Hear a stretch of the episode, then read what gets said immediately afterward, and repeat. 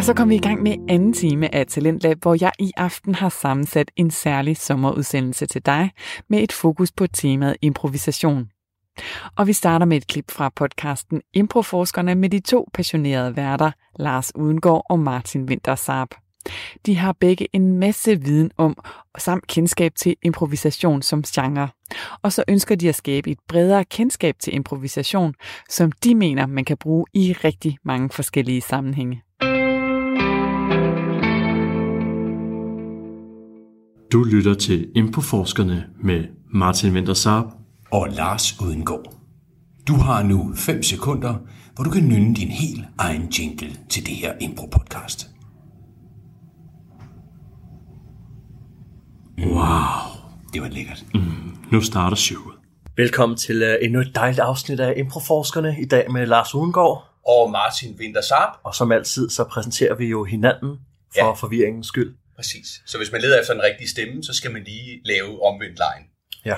Øh, og Martin, vi skal jo øh, i gang med et, endnu et podcast med et helt specifikt emne. Og øh, det hele handler jo om, at vi skal undersøge øh, impromiljøet i Danmark, og hvad der er fedt ved det, og hvordan vi kan gøre det endnu federe og endnu mere udbredt. Hvad er, øh, hvad er egentlig din passion, øh, tænker på, for impro? Hvad er det, der øh, gør, at du er i det her felt? Jeg synes bare, det er det fedeste. Altså, jeg startede med at lave stand-up, inden jeg lavede impro. Og jeg blev hurtigt træt af, ikke for at tale stand-up ned over hovedet, for jeg ved, der er mange, der elsker det, men personligt set, så synes jeg, det var fedt at gå op og lave noget nyt hver gang. Og det kick, der var i at være uforberedt, og alligevel se, at det virkede for publikum. Ja. Og dig? Tak fordi du spørger. øh, jamen, jeg, jeg, jeg har sådan set nu øh, gået og tænkt lidt over, at, at den, jeg er, jeg er helt blæst bagover af den her mentale træning, jeg i virkeligheden får øh, hver eneste dag, når jeg arbejder med improvisation. Fordi øh, det er jo en, en, måde at holde ens hjerne skarp på, og øh, at blive udviklet på den øh, bekostning. Og øh, det kunne jo godt lede op til vores gæst i dag ja. også, fordi han er jo også øh, godt og grundigt udviklet Som menneske og som improvisator. menneske og som improvisationsskuespiller. og øh, det er jo ingen ringer ind, Rasmus Søndergaard. Velkommen til. Tak for det. Tak for det. Det er dejligt, du vil komme. Øh, og du er jo øh, en gavet herre, øh, og tillykke nu her med 10 års jubilæum øh, for øh, specialklassen. Tak for det. Det er gået godt. Øh, Det må man sige. ja, Det, det, har, været, det, det, det har været en fest. Mm. Øh, I mere end en forstand. ja, Øh, rigtig, rigtig fedt. To øh, øh, bravende jubilæumsshows i Musikhuset Aarhus og på Bremen. ja. Øh, kom, vi har lige fået at vide, at der kommer en femstjernet anmeldelse mere i dag. Så, Ej. ej, så bliver vi ekstra glade. ja det er flot. Jamen, tillykke med det. Tak for det. Det er... Øh, ja, Og jeg er jo ham- komme, jo. Jamen, det er vi rigtig glade for. Og jeg er jo hammer professionel og laver jo øh, sindssygt mange shows rundt omkring i landet på firmaer og så videre. Så, øh, og så laver I sikkert også en masse øh, workshops, og du gør i særdeleshed, fordi ja. Det er derfor, vi har, øh, vi har valgt lidt, at emnet i dag skal være øh, organisationsudvikling med impro-teknikker, eller øh, ja, hvordan man arbejder med improvisation ude i virksomhederne. Og øh, det kunne vi godt tænke os at dykke øh, mere ned i. Men inden vi kommer så langt, kan du så ikke bare lige fortælle øh, lytterne derude, og, og, og os igen, øh, hvem du er, og hvordan du kom i gang med impro øh, Ja, tilbage. Hvis du sådan lige, øh, ja, højst hvor lang tid har 20 minutter. Hvis, Jamen, øh, jeg startede egentlig sådan teatersport-delen øh, på sådan et amatørhold tilbage i Kolding, øh, hvor at øh, der var ingen af os havde sgu rigtig styr på, hvad vi lavede, men det, det, de teatersportsleje, der var, var jo mest af alt øh, lidt nogle teaterselskabsleje, ting, hvor man kunne have det sjovt i en eller anden ramme. Ikke?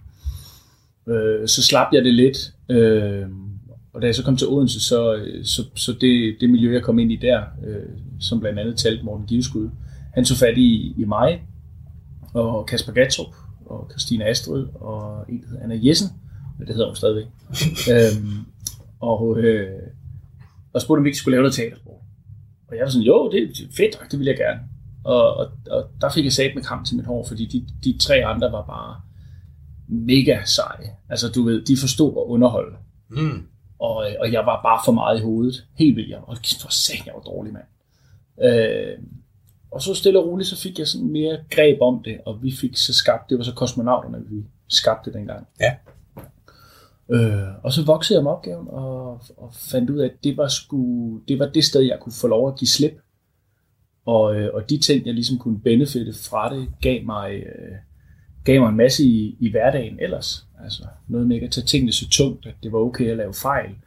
Øh, at have andre for øje, og ikke kun mig selv. Sådan nogle ting, som, som ligesom gav en, en større mening.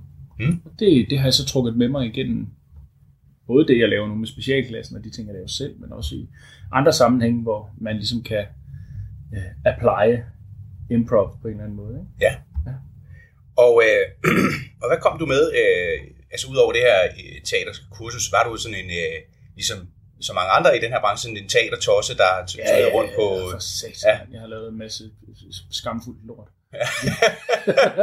Skønt. ja, igennem tiden. Øh, jamen, jeg, jeg, er jo, jeg er også en af dem, der kæmpede for at komme ind på skolerne og brugte et halvt år på at forberede mig, et halvt år på at ære mig. Ja. Og når jeg så kigger tilbage, så brugte jeg jo ikke et halvt år på at forberede mig. Øh, det, det, det måtte jeg jo et eller andet sted erkende, men, men jeg kom aldrig ind, og det irriterede mig virkelig. Og så startede jeg, øh, startede jeg noget op sammen med Morten Giveskud. Vi startede det, der hed Giveskud-gruppen. Det skulle ja. hedde et eller andet, så det var ikke fordi, han sådan bare claimede navnet, men vi havde bare brug for et CVR-nummer, så vi kunne smide nogle fakturer i nakken på folk. Ja. Og så lavede vi alle mulige projekter. Den var igen begyndte at lege skuespillere ud til teambuilding-firmaer og alt sådan noget. Mm. Øh, du har vist også, var du ikke med i World of Adventure dengang?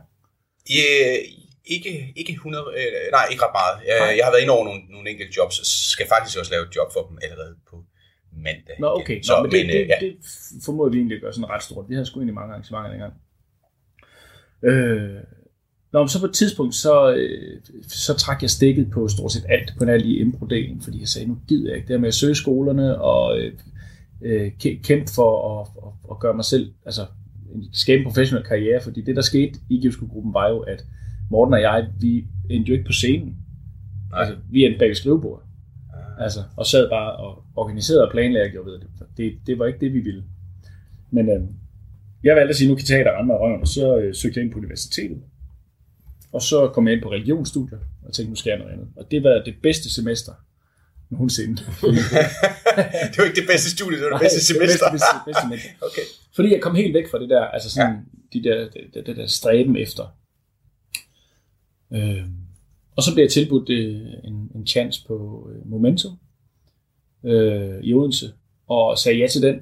Og i kølvandet på det, så blev jeg tilbudt fast øh, skuespillerjob på Da Capo Teatret, Ja. som jo er en konsulentvirksomhed, der bruger teatermetoder. Ja. Blandt andet med nogle forskellige sådan, improvisatoriske greb og sådan noget. i. Og det, øh, det sagde jeg ja til, og det var så der, jeg sådan trådte for alvor mine professionelle sko. Ikke? Ja. Øh, og så sagde jeg op der et par år efter, for at forfølge drømmen om specialklassen. Ja. Flyttede til København og sagde, nu skal den sætte mig ind over nakken. Ja. Og så har, har jeg egentlig været freelance lige siden. Stadigvæk arbejder meget for Decabo og for andre sådan virksomheder, der bruger den slags ting. Øh, Ja. Laver en masse rollespil, hvor improvisation også bliver brugt en del i. Ikke? Øh, Så, så jeg får virkelig fuld valuta for, for al min, al min impro-kunde. Ja. Og for, for alle de andre kompetencer, du har samlet op hen ad vejen måske også. Eller? Ja, hvis der er nogen. Ja. Ja. for religion. For eksempel. Øhm, godt, jamen øh, hvis vi sådan øh, hopper lidt ind i, øh, i den her øh, workshops øh, organisationsudvikling, fordi øh, jeg ved jo, at du har øh, at du har studeret det en del og været på konferencer og så videre for at blive en- endnu skarpere på det. Så ja. hvad, hvad, hvad er det, du, øh, du mener, det skal bruges til ude i virksomhederne? Jamen, som, som en, en, øh, en, en god impro-kollega, kan man godt øh, kalde ham, og, og lidt forbillede, der hedder Drew Tarvin, som øh, huserer meget i USA. Øh, han sagde, øh, jeg sælger mig på, når folk spørger, hvad jeg laver, jeg siger, jeg gør ingeniør til mennesker. Øh, og det, det synes jeg var ret rammende, fordi det, det, det er også lidt det, jeg prøver sådan at, at gøre derude. Ikke at sige, at de ikke er mennesker, men, men vi er bare så præget af konkurrence og af systemisk tænkning derude i virksomhederne. Og, og, og der er impro bare et godt opgør med det, fordi improvisation er uundgåeligt. det er jo, altså det har jeg sikkert også været inde på i nogle af de andre programmer, men det, det, er, jo en, det, det er jo en præmis for livet at improvisere. Ja. Og så kan vi skabe forskellige rammer ind i det. Vi, så er der nogen, der så vælger at sige, hey, ja, man kan også bruge det til at spille musik, eller man kan bruge det til at gøre alt muligt. Ikke? Vi har så valgt blandt andet at bruge det til comedy. Altså, og så er der den her del, hvor man siger, jamen, lidt ligesom at gå i fitnesscenter, det hjælper ikke at gøre det én gang. Altså, det var sjovt, det var hårdt, og det, var, men mm. det gav ikke rigtig noget.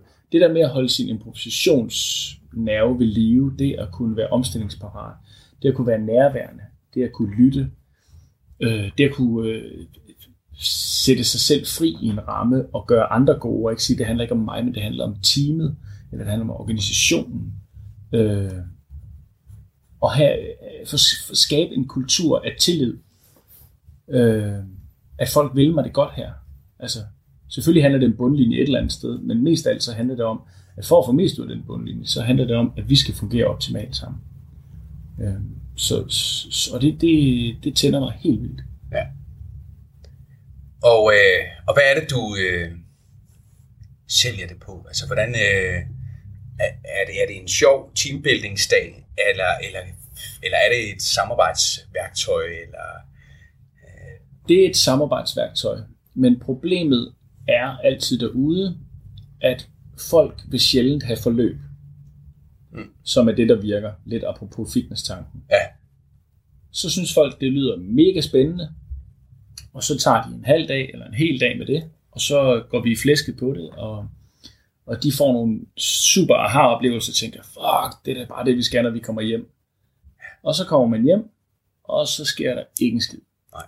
Det er i hvert fald min formodning. Fordi det er, sådan er det med, Med der er lavet nogle studier på netop de der ting, hvad Ja. kompetenceudvikling gør for, for ansatte. Ikke? Altså, at det, det, det er sgu mere noget, der lige, hvad kan man sige, det, det, det booster gejsten kort, ikke? Og, Ja. og skaber en smule trivsel, men kompetenceudvikling er det sgu ikke, fordi de har ikke roen eller opbakning til at få det implementeret. Og det er det samme, der sker her. Men når det endelig sker, at der er nogen, der tager de her elementer seriøst omkring, øh, hvad kan man sige, det kunne være feedback-træning, det kunne være altså skabe en kultur af at, at, at, at kunne gøre hinanden gode, jamen så er det også, at det virker. Men, men det er svært ikke at blive sat i bås med, at det er sådan noget underholdende noget. Så jeg undgår for så vidt muligt altid at tale om, at det handler om teater og sådan noget, men at det handler om improvisation og kommunikation. Ja. Fordi så snart folk hører teater, så har, man, så har du bare en stor rygsæk med klivtøj bagpå. Altså, Ja. og en skør hat på. Sådan er det. ja, måske også, måske også skaber det en eller anden frygt øh, for deltagerne, at de siger, teater, jeg skal fandme. jeg skal fandme ikke på scenen. Så det, det forsøger jeg så vidt muligt at undgå. Fordi det er det, jeg laver med dem, er kommunikationsøvelser. Ja. Basically. At det så trækker tråd ind i noget, vi også bruger i teaterverdenen, det er jo det er noget andet. Ikke? Ja, ja, ja. Ja. Øhm, ja, måske skal vi lige prøve at dvæle ved den her frygt for at komme på scenen. Øh, nu kan godt være, at vi lige kommer ud af sidespor, men øh, i øh, Kosmonauterne i hvert fald, der har vi øh, på vores offentlige job snakket lidt om det her med, hvor mange vi skal hive på scenen. Fordi hvis man hører det omveje, at øh, der er nogen, der vælger os fra, alene af den grund, at de bare ikke skal på scenen. Okay. Og, øh, og så har vi sådan prøvet lidt på vores offentlige jobs at, lave nogle deciderede shows, hvor vi siger, det er et sid ned show. Det vil sige, du kommer ikke på scenen, øh, så her kan du booke din billet. Har I oplevet det i specialklassen, at øh, den her frygt for at komme på scenen, eller Ja. folk siger nej, eller... Ja, jamen det har, ja, det har vi. Faktisk så sent som til, til 10-årsjubilæet på Bremen, der, øh, der laver vi det, den her improlej, der hedder Flyttemænd, som vi jo også kender, Ja. hvor vi skal bruge to personer. Vi bruger altid mænd til den leg, og, øh, og jeg går ned, det er mig, der skal hente, og Kasper Kasper, der skal spille, og jeg går ned for at hente, og der prikker jeg bare, fordi det skal ikke tage for lang tid, det at udvælge. Så jeg prikker lige to, der sidder ved siden af hinanden. Du, hey, vil du ikke lige komme på vej? Han er sådan, yes, yes. Og vil du ikke lige komme på vej? Og så kan jeg bare se angsten i øjnene Ja. Bang. Og sådan en, en viren med hovedet, som sådan en, nej, nej, nej, nej, nej, nej. Og, og, og, og det er bare et no-go. Ja. Så skal man ikke forsøge. Nej. Så må man bare sige, ikke noget problem. Ved du hvad, vil du så ikke komme med mig i stedet for? Og så lige prikke en anden på skulderen. Ja. Og så, så finder du hurtigt en. Så det handler jo også om at lige have den der situationsfornemmelse. For det kan hurtigt blive enormt akavet og pinligt, hvis man siger, ah, kom nu. Nej, det kan du godt. Der sker ikke noget. Det bliver bare... ah, det- Og du, og du kommer til at tabe den kamp. Det gør Og han kommer aldrig nogensinde igen. Men, men, men ved at jeg prikker ham, og han får lov til at ryste på hovedet og sige nej, så er det fint. Ja. Og det samme gør jeg også, når jeg er ude til workshops og siger, at det er okay at melde sig ud. hvis man, hvis man ikke er tryg ved det. Men man må også bare have en erkendelse af, så kommer den læring så heller ikke til dig, fordi den Nej. læring, den sker, nu apropos på snakken om religionsstudier, øh, omkring den der øh, sådan holistiske tanke og holistiske forståelse af, af krop og hjerne. Altså, at det hænger sammen, at vi lærer med kroppen. Ja. Øhm, og, og, øh, og det gør folk altså også derude. Øh, i organisationer, at de her, de her kommunikationsøvelser, der, det skal folk skulle mærke. Vi kan ikke tale os til det. Vi kan skabe refleksion, fed refleksion, øh, der kan give mening ind i deres hverdag, men, men, men den kommer ikke særlig langt, uden at have lavet de her øvelser her. Hvor meget ligger du øh, vægt på det her med at komme ud over, øh, altså også at slippe grænserne, når du laver workshops? Altså er der, øh, fordi det kan jo også være et element i det, at man ligesom bliver presset ud i... Øh, jeg lavede faktisk en workshop sammen med, med Lefebvre, som øh, jo også er en del af specialklassen. Og, øh, og der var vi ude, og så havde vi sådan en flok øh, elektrikere.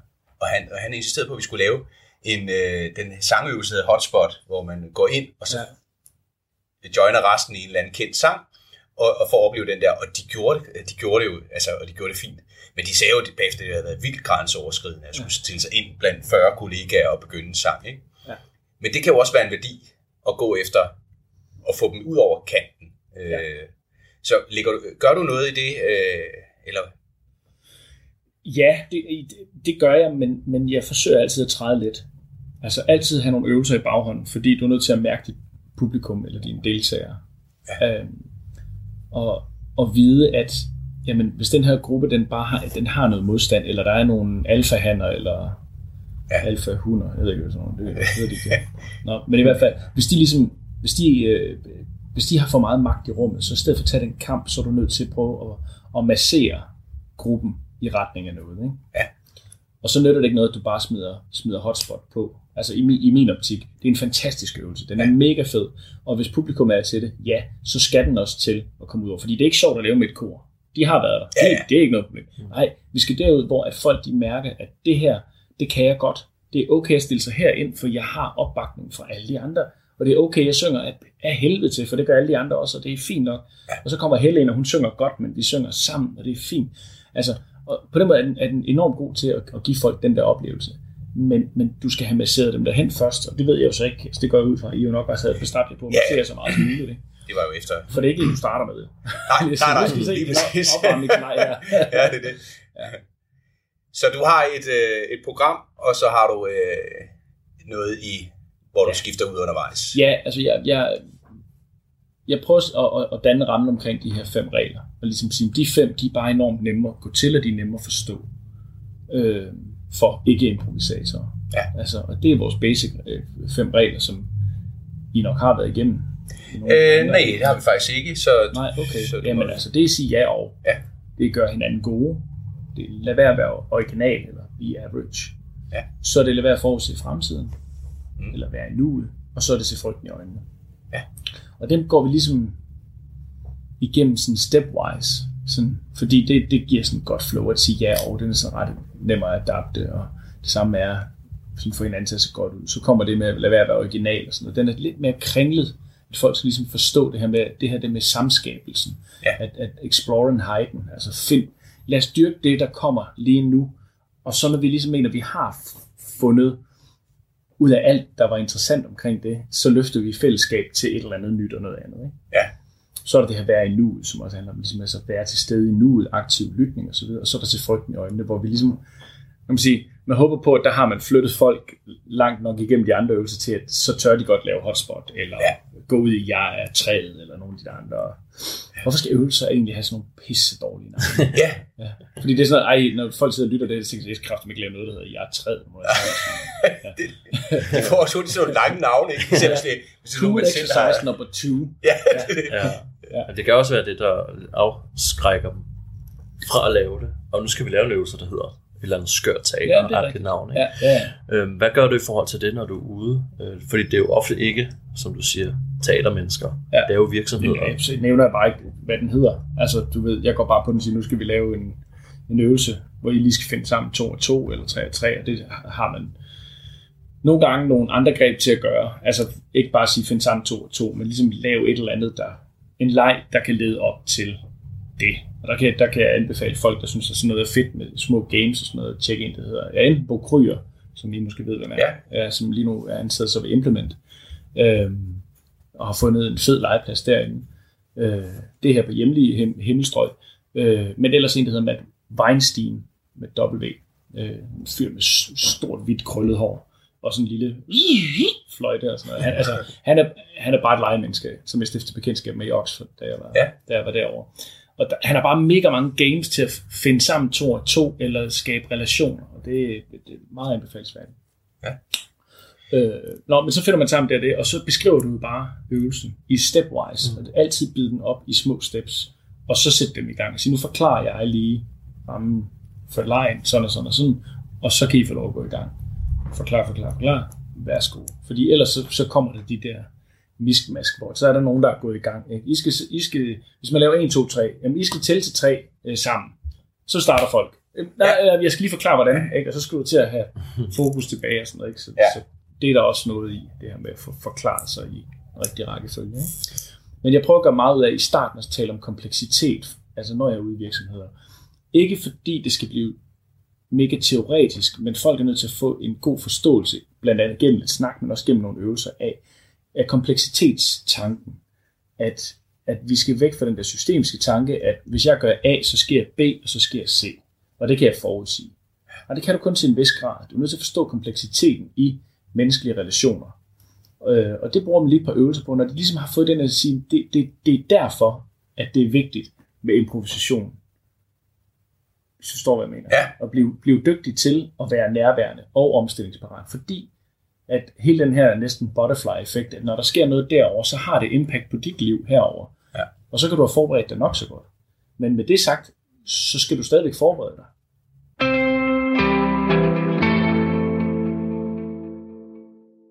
Det var et klip fra podcasten Improforskerne med Lars Udengård og Martin Wintersarp. Og nu kan du så lytte til en semi-improviseret fortælling med Alexander Ravndal i podcasten Ravnens Fortællinger. Og den her fortælling, den har overskriften Glaskugler.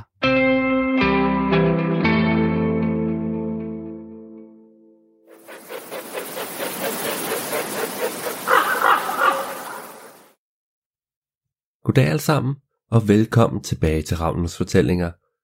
I dag vil jeg fortælle jer en, skal vi sige, semi-improviseret historie. Så tag jeres høretelefoner i, gå eller løb en tur, eller sæt jer ned i en lænestol med en varm kop te, og lyt med.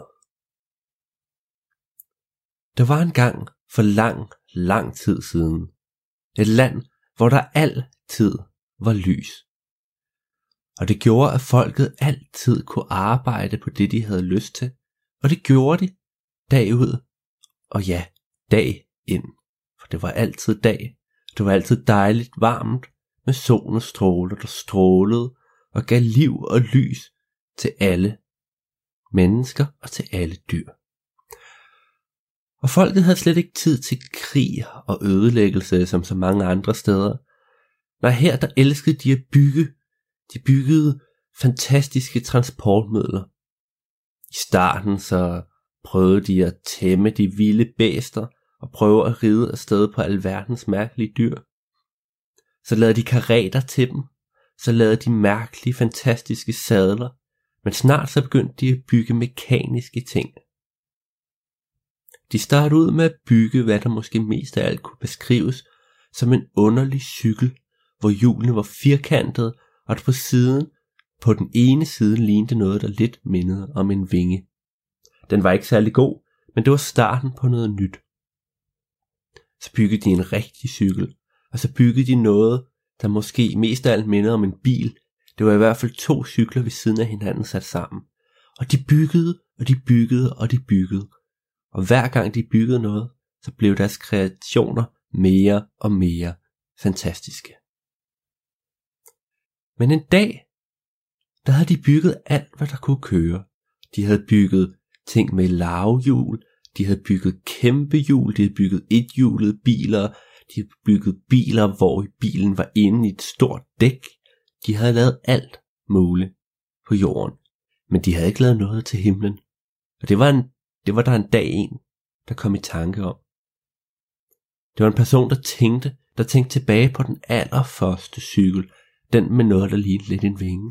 Og så så personen op og så fuglen flyve i luften, og fik den idé, at måske var det næste skridt ikke en hurtigere og vildere bil, men noget, der kunne flyve.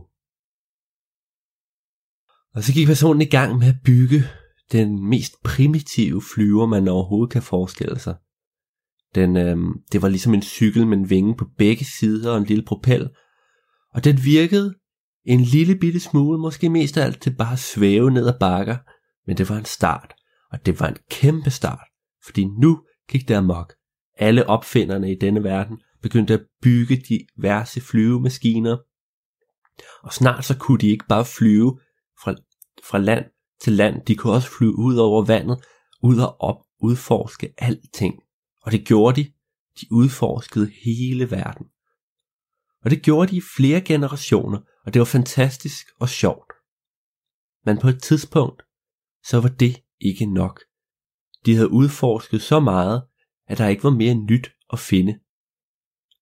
Så gik de ned i vandet og lavede ubåde og undervandsmaskiner, men selv der gik der kun nogle generationer, så var de færdige med det og med disse oplevelser.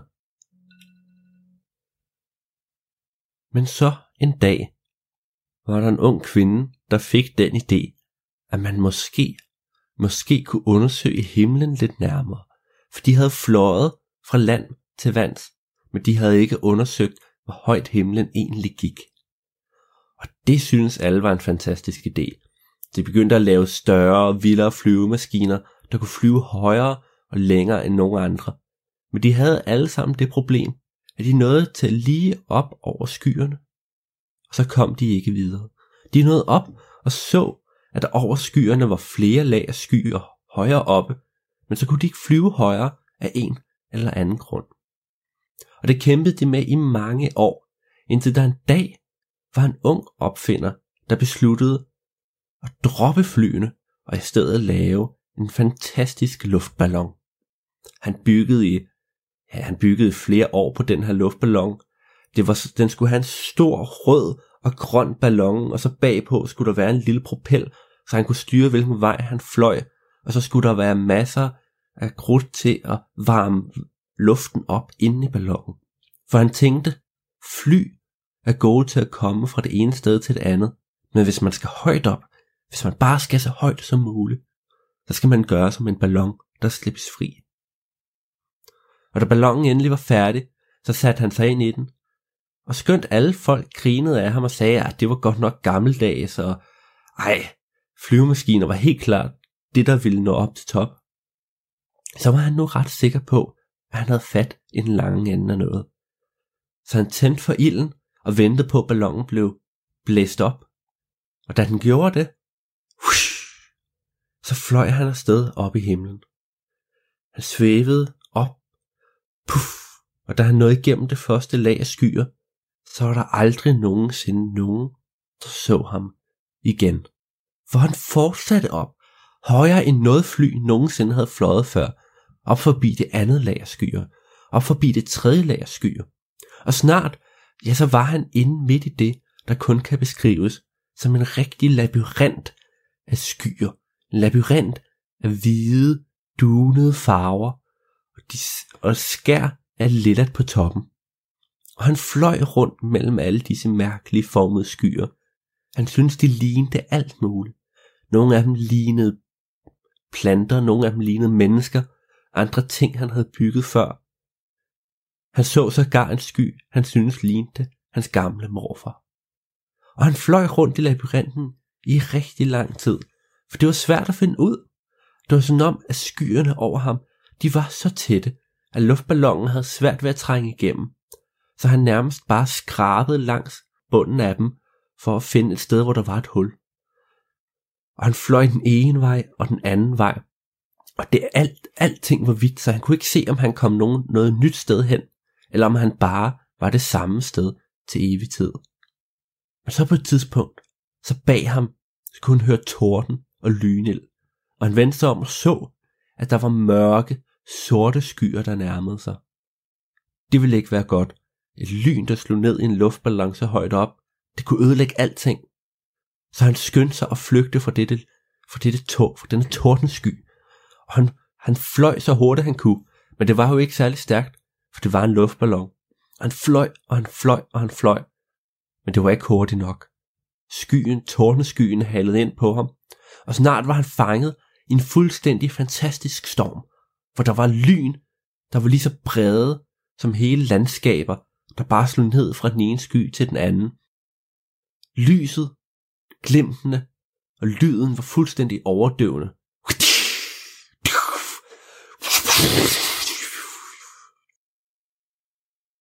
Og manden i sin luftballon blev bare kastet frem og tilbage mellem skyer, mellem lyn, og det var heldigt, at han ikke blev ramt og blev smadret og sendt bravende ned mod jorden.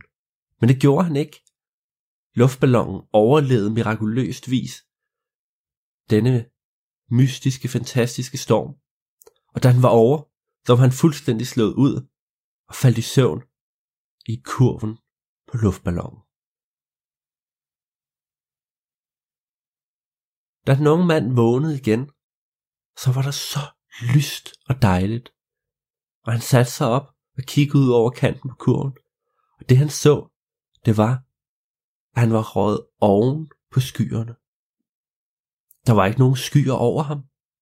Der var ikke nogen skyer over ham. Det var fuldstændig fantastisk. Der havde altid været skyer over ham. Det han så, det var den flotteste, klareste blå himmel. Og luftballonen åbenbart løbet tør for brænde. Der var i hvert fald ikke mere gang i flammen, men alligevel så sank han ikke. Han kiggede ud, og han så, at kurven den hvilede på et tykt, tykt tæppe af skyer. Det var godt nok mærkeligt. Han kravlede ud af kurven og prøvede at træde på de her skyer, og han faldt langsomt, ganske langsomt igennem. Det var jo ikke så godt. Så kravlede han ind i kurven igen. Han havde ikke lyst til at falde igennem skyerne, så ville han jo falde ned til den visse død på den anden side. Så han tog nogle ting, han havde, nogle gamle planker, nogle, nogle, nogle store stykker karton, og klippede og bankede, og så lavede han, hvad der bedst kan beskrives som nogle kæmpe store snesko. Og så prøvede han at kravle ud af kurven igen, ned på skyen, og han kunne mærke, at han ikke faldt igennem. Han vidste ikke, hvad han skulle gøre her, men han kunne i hvert fald prøve at undersøge sagen lidt nærmere.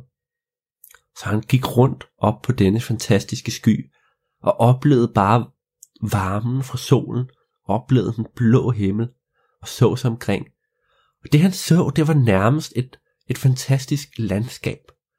Som hvis han stod i bunden af en dal, og i horisonten, der var der skyer, der rejste sig endnu højere op som bjerge. Op på toppen var skyerne en lille smule mere fluffy og bløde, som var det sne på toppen af den højeste tinde. Og nogen mand han besluttede sig for at undersøge det, dette. Han havde lidt brug for bare at komme ud og gå efter at have siddet i kurven i så lang tid. Så han gik. Han kunne altid se, hvor at hans luftballon var henne, for de grønne og de røde farver stak voldsomt ud blandt landskabet af hvidt. Og så gik han hen, først til den ene bakke af, af skyer. Den var ikke så stor, men han gik op på den, og derfra kunne han se endnu længere end før, og det var bare hvidt, hvidt og blåt, så langt øjet rækte. Og så gik han ned ad denne, og ned ad den næste bakke, der var lidt højere nu, og ned ad den, og ned ad den næste, og til sidst, så gik han op af det allerhøjeste bjerg af skyer. Og han gik op til toppen, og så oplevede han noget ganske besønderligt. Da han stod op på toppen og strakte sig helt op med hænderne i vejret, så ramte de noget. Du! Hvad var det? Han tog hånden til sig forskrækket og kiggede op. Han kunne ikke se noget. Det var bare blå himmel hele vejen. Så tog han hånden forsigtigt op igen og mærkede. Han kunne mærke noget, så bankede han.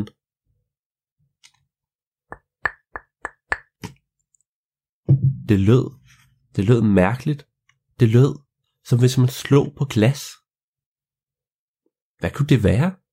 Han mærkede efter og skubbede og så skubbede han lidt her og lidt der, og lige pludselig, klik, så fløj der en lem op. Og der var stadig blå himmel, men han mærkede med sine hænder en tyk, en voldsom tyk kant af hvad der svarede til gennemsigtigt glas. Det var godt nok mystisk. Han kunne ikke helt nå op på toppen af det her glas. Så han gik ned og lavede nogle store klodser, samlede klodser af, af skyerne af denne tætte sky.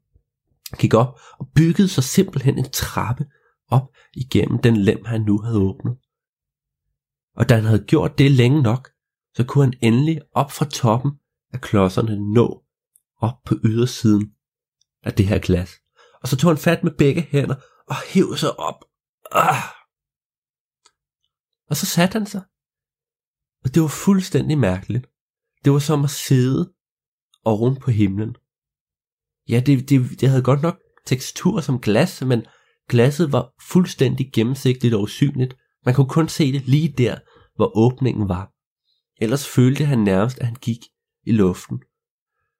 Han rejste sig op og kiggede sig omkring, og det han så, det var stadig den blå himmel, ja. Men det var sådan om, der, der langt, langt, langt væk var et eller andet kæmpe, kæmpe stort. Han kunne ikke rigtig se, hvad det var, men det havde et, et meget mørkegrønt skær. Han besluttede sig for, at han var kommet så langt, så han kunne lige så godt tage ud og undersøge det. Han tog sin taske over skulderen og gik afsted. Nu havde han ikke længere brug for de her mærkelige, øh, de her mærkelige skysko, så han tog magerhanken på tasken og travede lystigt afsted. Og han gik i flere dage, bare afsted, afsted, afsted. Og der skete ikke noget som helst. Det eneste, der skete, det var, at han absolut ikke havde nogen som helst anelse om, hvordan han kom tilbage til åbningen igennem glasset tilbage til sit luftskib. Han har ikke noget valg. Han blev nødt til at fortsætte. Men det, der ligesom gik op for ham, det var, at det virkede sådan om, der begyndte at komme en skråning på glasset, han gik på. I starten var det ikke særlig tydeligt. Det var som hvis man gik ned ad en bakke, der kun lige akkurat kunne kaldes en bakke. Men nu var det tydeligt, så var det som at være på en skrant, hvor man skulle være forsigtig, men ikke gled ned. Og han overvejede, om det overhovedet var en god idé, at han fortsatte. Og han nåede kun lige at overveje det, da han skvattede og gled nedad, fush, som hvis man ryger ned ad en rusjebane i alt, alt for høj fart. Og nu var han bange, kan I godt tro. Han var bange for at falde ned og dø. Men hvad ville han falde ned på? Altså, han havde gået i så lang tid. Var der overhovedet noget dernede? Shoo, sagde det. Og han kunne se den der ting i horisonten, den der store grønlige ting, den kom en lille smule nærmere. Han, han var så fokuseret på den, at han slet ikke opdagede, han også faldt ned mod noget, der kom nærmere. Og da han endelig opdagede det, så kiggede han ned og så en enorm grøn masse, som han bare styrtede direkte imod. Igennem luften, og han var overbevist om, at når han faldt derned og ramte den, så skulle han dø. Men mens han faldt, så skete der noget mærkeligt. Det var sådan om, den før så store masse, den blev en lille smule mindre.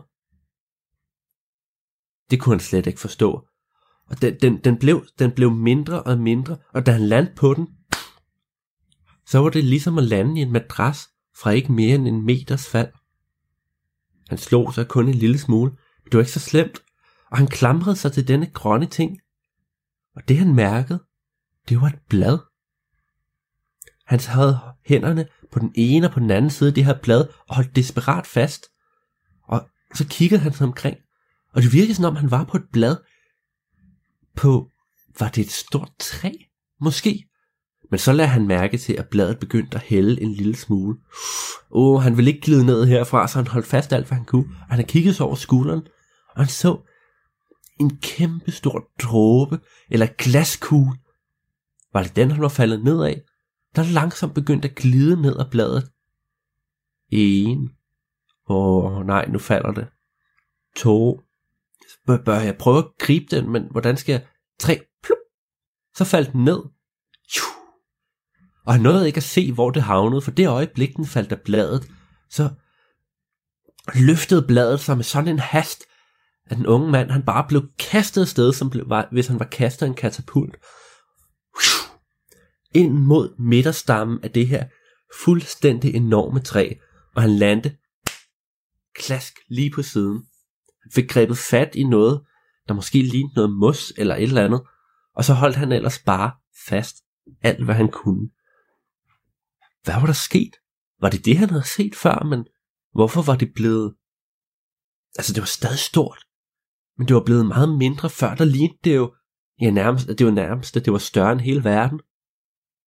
Og så kiggede han ned ad stammen, og prøvede at se, om han kunne finde den dråbe, der var faldet ned. Men det var det måske også. Og så begyndte hans langsom, langsom færd ned af denne stamme. Han tog det skridt for skridt, håndtag for håndtag, og han var meget forsigtig, for han havde ikke lyst til at falde igen.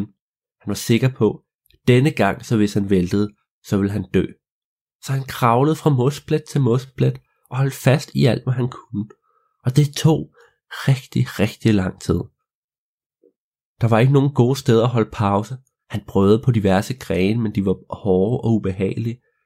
Og det endte med, at selvom, at selvom han forsøgte at slappe af en gang imellem, så var han udkørt og træt.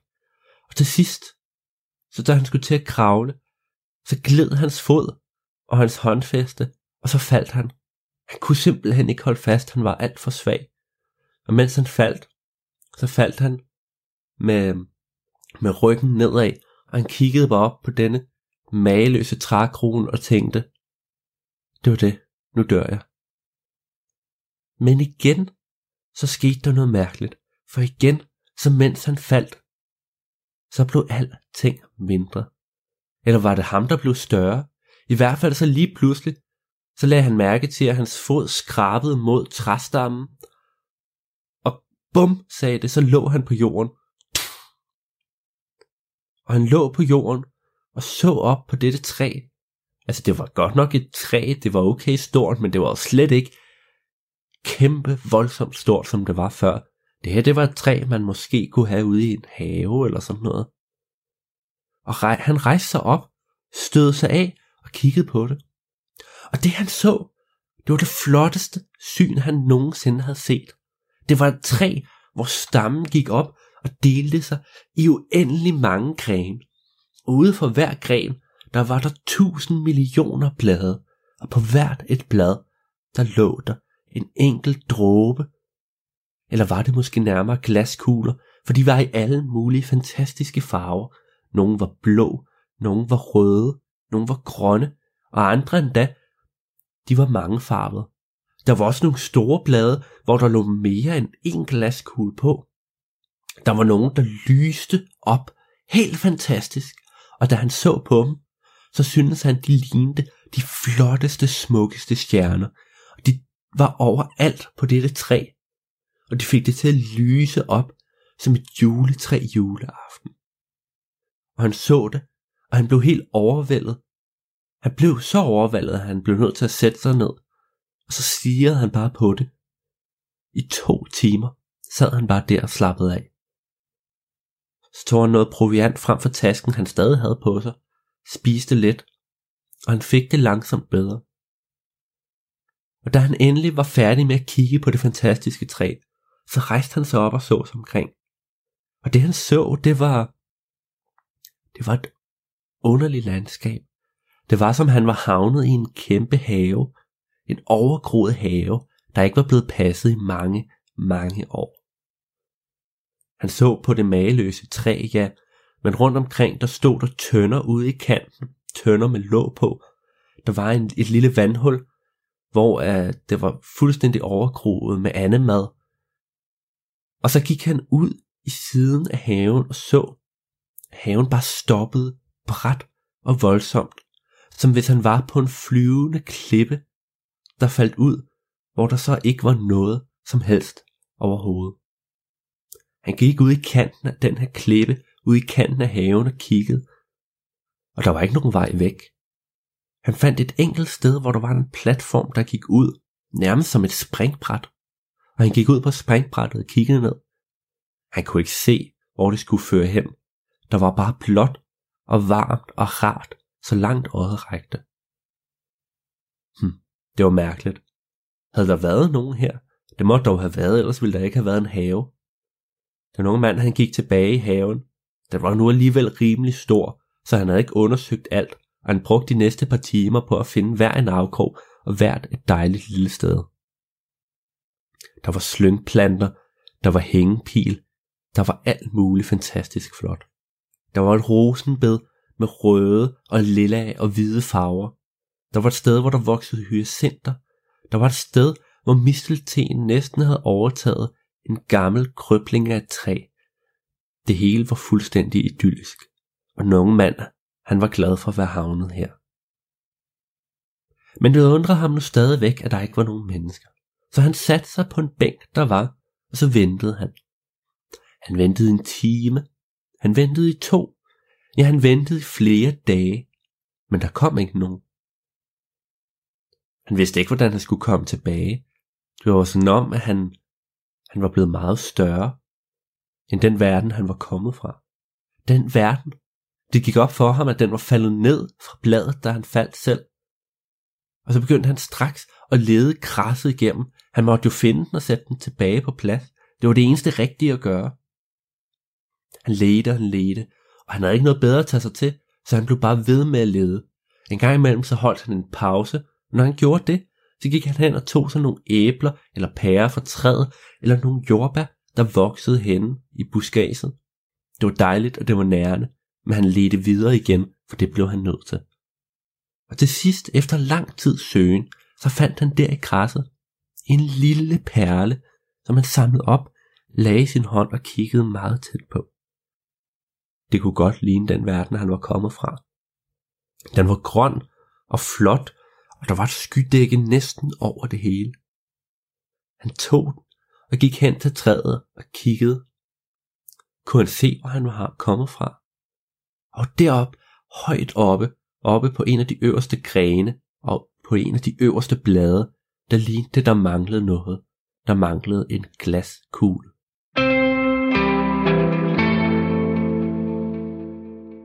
Sidst, men ikke mindst, der skal vi også have et klip fra podcasten Umbas Jul, og den kommer lige her.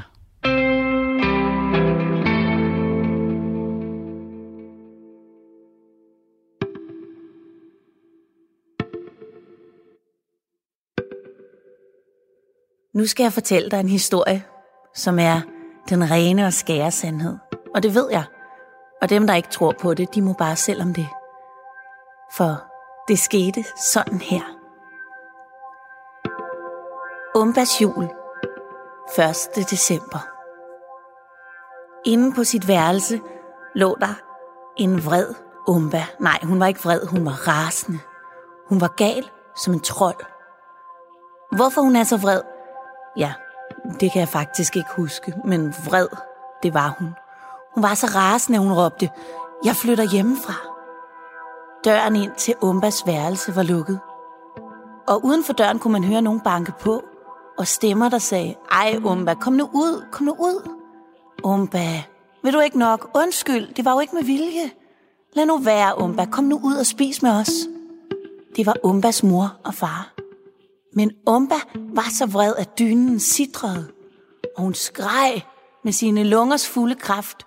Gå væk! Jeg flytter hjemmefra! Nå, nå, sagde Umbas farmor, og så kunne hun høre, at de satte sig ved bordet og begyndte at spise. Umba rystede af ejerskab, da en lille stemme afbrød hendes tanker. Hallo? Hallo? Hvad? sagde Umba. Hvem er det?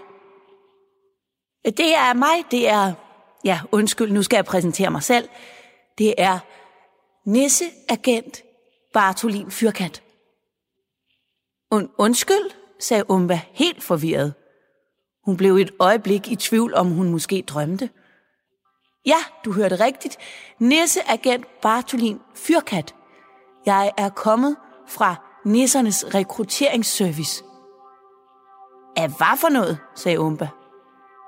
Pludselig glemte hun, at hun var vred. Og hvorfor? Bartolin Fyrkat. Nemlig, ja, korrekt.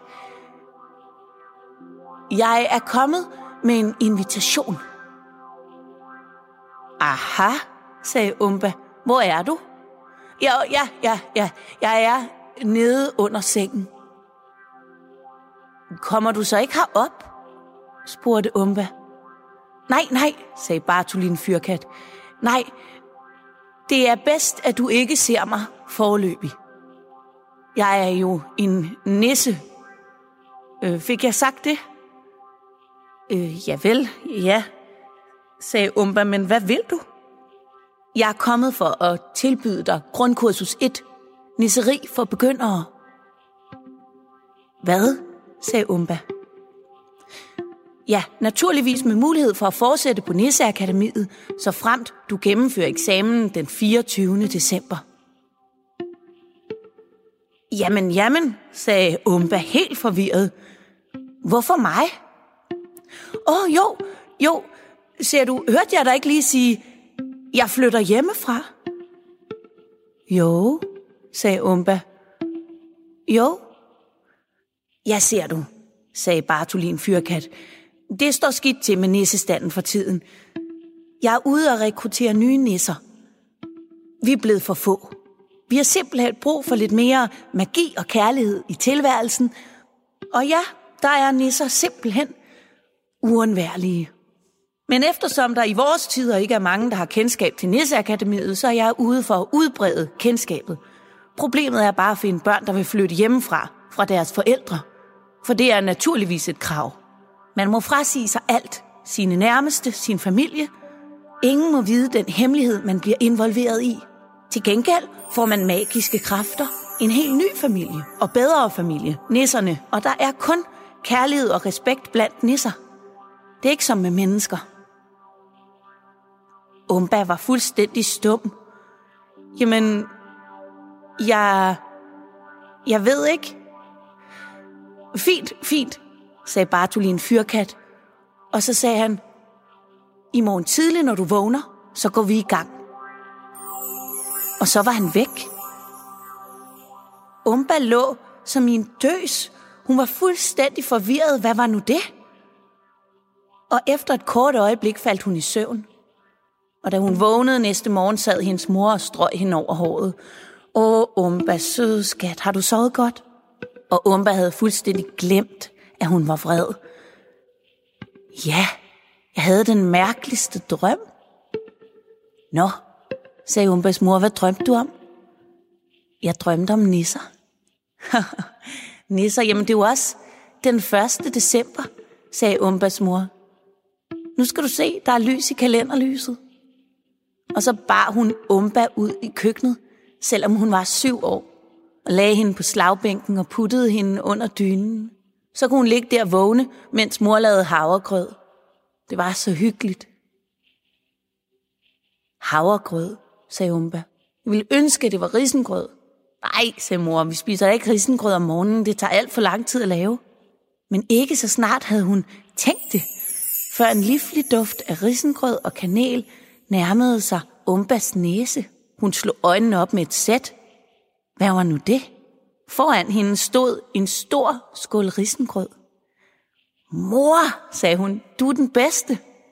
tak, skat, sagde Umbas mor og grinede. Umba spiste den kæmpe store portion risengrød på to minutter. Og da hun ville sætte skålen på plads i opvaskemaskinen, opdagede hun en lille seddel under skålen. Der stod til nisseaspirant Umba. Vi begynder i dag. Fra nu af kan du trylle. Brug dine evner godt og klogt. Og spred juleglæde og kærlighed omkring dig. Venlig hilsen, Bartolin Fyrkat.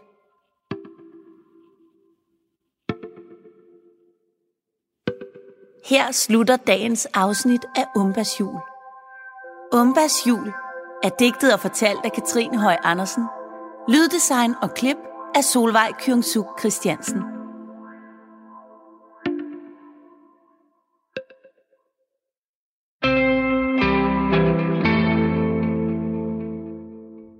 Og det var simpelthen alt, hvad vi nåede i Talentlab her i dag. Du har lyttet til en særlig sommerudgave af programmet, hvor jeg har sat fokus på temaet improvisation. Jeg er tilbage igen i morgen aften med meget mere Talentlab.